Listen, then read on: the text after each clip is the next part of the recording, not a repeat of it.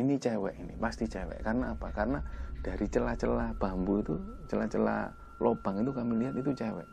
Rambutnya segini panjang. Dia pakai baju putih gitu kan. Dia duduk diem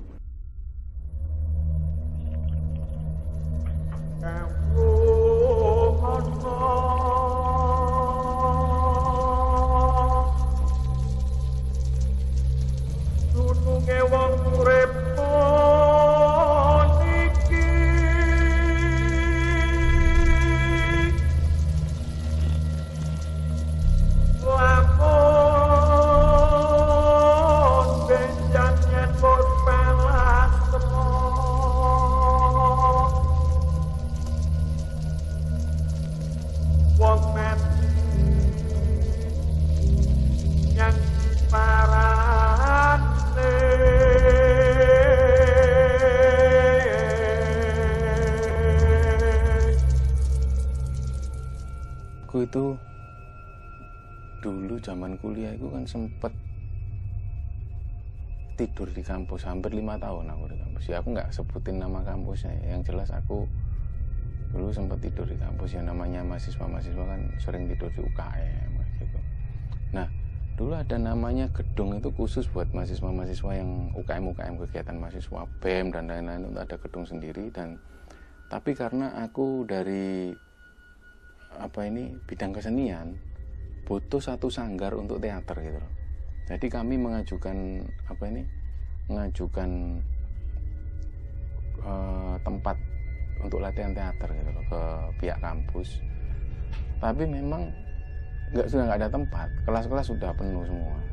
Tapi PR3 waktu itu menyarankan kalau teman-teman adik-adik mahasiswa mau, adik-adik UKM kesenian mau, ada satu tempat di belakang gedung itu itu bekas memang bekas penjaga penjaga kampus gitu loh. ada satu penjaga kampus yang memang hidup di situ dan orangnya sudah meninggal.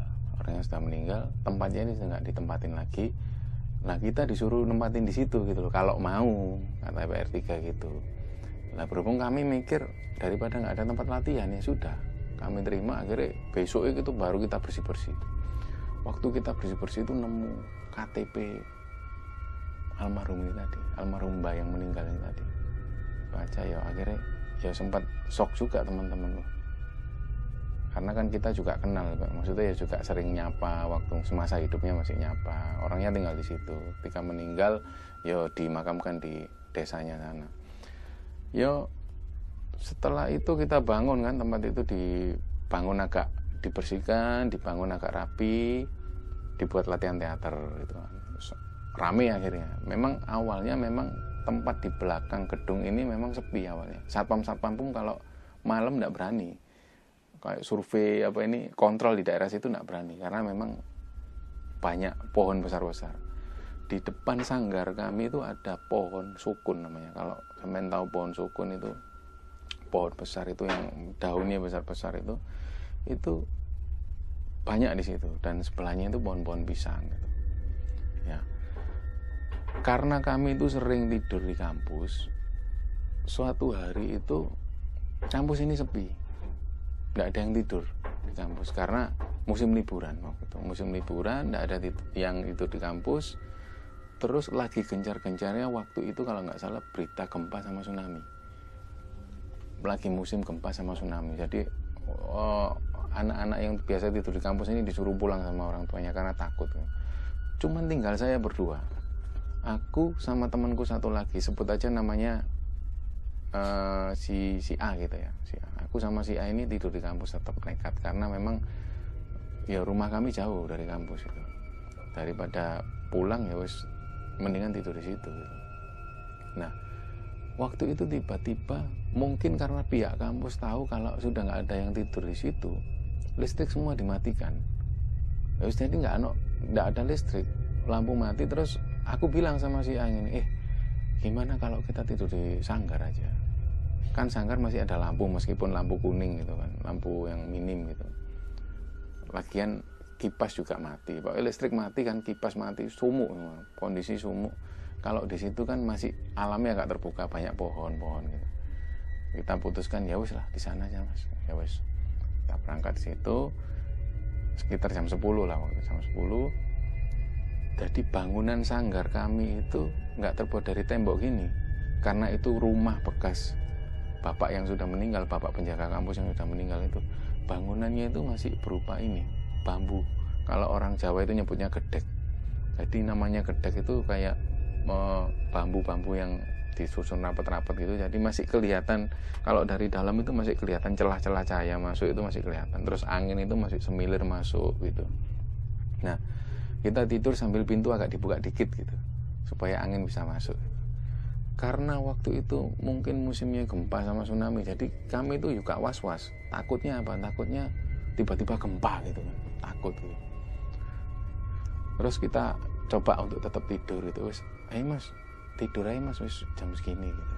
Si si A tadi bilang oke oke wis tidur aja. Lah aku sendiri tuh ada perasaan yang nggak enak gitu. waktu tidur di situ nggak tahu perasaan takut apa was was karena takut ancaman gempa tadi. Wis pokoknya was was nggak karuan. Jadi nggak bisa tidur cuma keblak keblak keblak keblak gitu.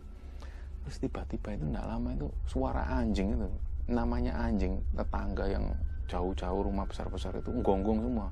Au, wuk, wuk, wuk, wuk. pokoknya longlongan anjing itu nggak biasa.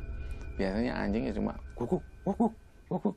Malam itu nggak tahu tiba-tiba itu suasana itu nggak enak suasana sunyi sepi antara jam setengah 12 itu anjing itu gonggongnya seperti itu semua. Saut-sautan. Sana. Terus aku tuh nyoba bangunin temanku si ini bye bye.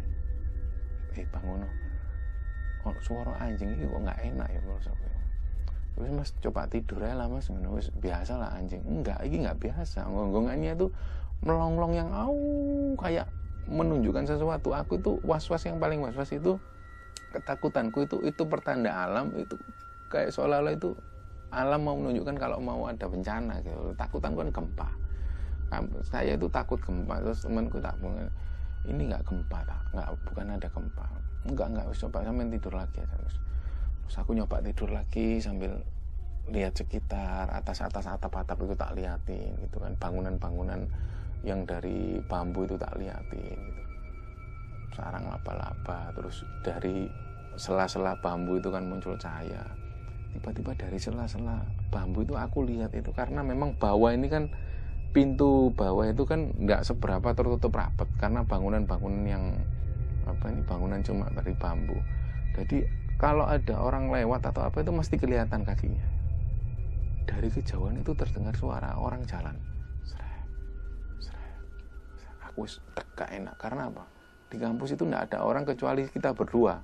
Kecuali satpam yang di depan ya security yang di depan. Dan itu tidak mungkin mereka jalan ke belakang karena selama ini bertahun-tahun mereka tuh tidak pernah kontrol sampai ke belakang karena mereka takut.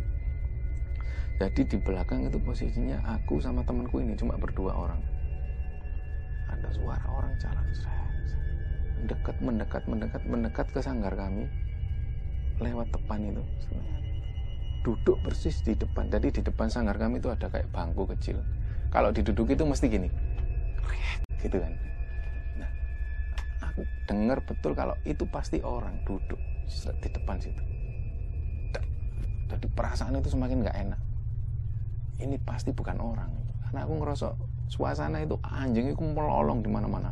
Oh dan angin itu ngerasa gimana sih kalau ono kehadiran orang yang makhluk-makhluk sih nggak enak itu pasti suasana itu nggak enak. Dan aku ngerasa ini pasti bukan orang.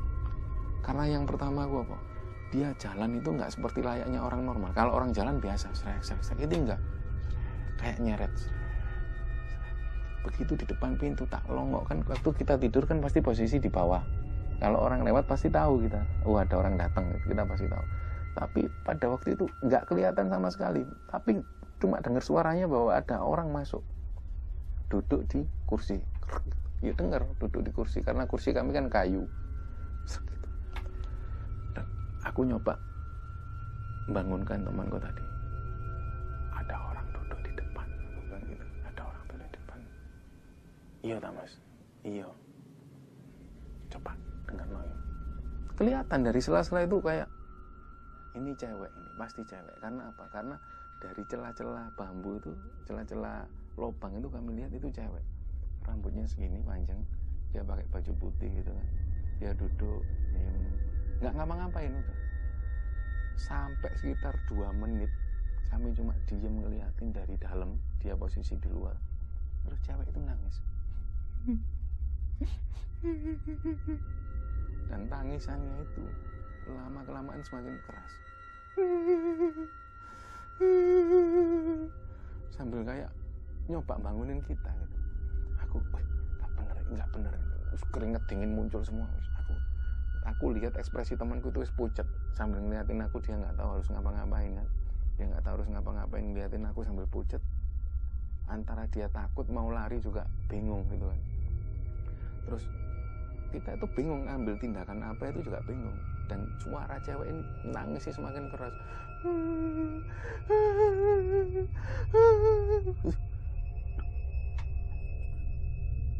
Bingung kita bingung. Akhirnya coba nutup apa aja tutup semua ini ada tas-tas yang ada di situ ada kain-kain tak tutup semua sambil kuping telinga tak tutupin semua supaya nggak dengar tapi suara cewek ini masih dengar ditambah yang dari jauh tuh suara anjing longlong.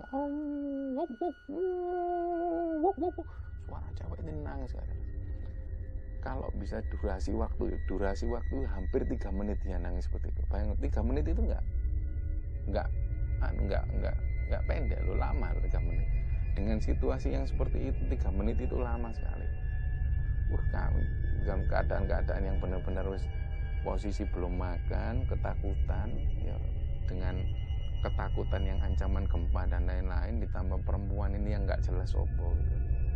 Tapi aku sama temanku itu paham bahwa dia ini memang penunggu kampus, namanya Mbak. Dit gitu namanya. Anak-anak kampus sudah tahu kalau ini Mbak yang biasanya nampak di kampus. Jadi dulu memang ceritanya ada ada satu mahasiswa yang kuliah di situ, kuliah di kampus kami, dan dia putus cinta putus cinta terus dia lompat dari lantai 4 meninggal di situ itu setiap malam tertentu kalau malam wisuda dan malam-malam tertentu dia selalu nampak orang. Lah kami yakin kalau dia itu mbak itu yang biasa ganggu cuman karena kami ini posisi terdesak dan nggak bisa ngapa-ngapain dia wes diam aja sambil aduh, aduh posisi yang benar-benar nggak enak terjepit. Mau keluar pasti wah nggak siap lihat wajahnya gitu. Itu terjadi sampai hampir tiga menit. Nggak lama dia itu jalan lagi. Semakin jauh. Jadi ada perasaan sedikit tenang ada perasaan sedikit tenang nah setelah itu wes nggak bisa tidur lagi.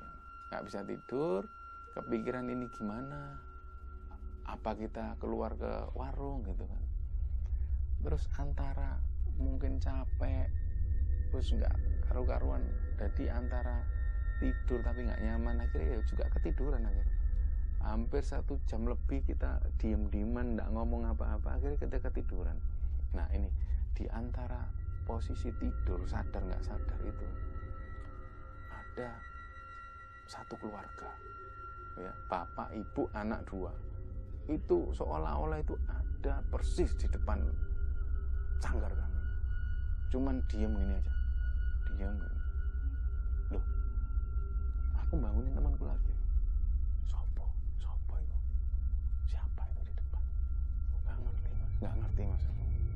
Terus tiba-tiba maju makin maju si anak tadi ini maju nyeret kakiku. Balik no omaku mas balik no omaku mas mas.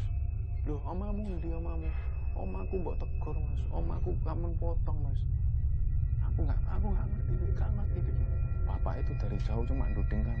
Duding aku kayaknya sambil kayak marah aku. Aku nggak ngerti pak. Aku nggak ngerti pak. Si anak tadi dua-dua itu dua anak tadi nyeret kakiku sambil balik no mas rumahku mas. Balik no rumahku mas. Terus aku tuh kayak ya Allah saking nggak ngerti aku rasanya orang kayak yang wis ketakutan sambil lemes itu wis. Mungkin waktu itu aku pingsan mungkin aku pingsan. Tiba-tiba aku bangun itu udah pagi. Bangun udah pagi aku bangunin temanku wis udah pagi udah pagi ayo. Aku langsung jalan ke depan. Terus aku cerita ke security di depan. Si satpam aku cerita pengalaman semalam itu. Kalau aku didatengin cewek itu ya satpam semua sepakat kalau cewek itu wis biasain mbak itu mbak yang penunggu kampusmu itu oh ya wis. terus kalau satu keluarga itu siapa? Satu keluarga ya ada satu keluarga bapak ibu sama dua anak. Dia ngapain? Yang bapaknya nuding-nuding aku sambil marah yang dua anak itu narik-narik kakiku sambil minta kembalikan rumahnya. Balik no rumahku mas balik no rumahku mas kembalikan rumahku mas. Aku gak duwe oma mas. Aku gak punya rumah. Terus satpam itu bilang ada satu orang satpam itu yang sedikit banyak tahu sejarah tempat itu. Dia bilang kalau dulu di sanggar yang kami tempat itu ada pohon waru. Seperti pohon waru? Satu pohon waru itu memang angker di daerah situ. Sebelum ditempati bapak yang meninggal ini itu angker sekali.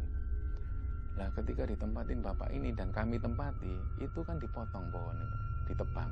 Pohon ini ditebang begitu ditebang ada kemungkinan keluarga ini penunggu pohon ini. Jin yang nunggu pohon ini gitu. jadi ngerasa rumahnya dirampas dia nggak punya rumah dia minta tanggung jawaban ke kami itu Wah, sejak itu aku nggak pernah tidur di belakang lagi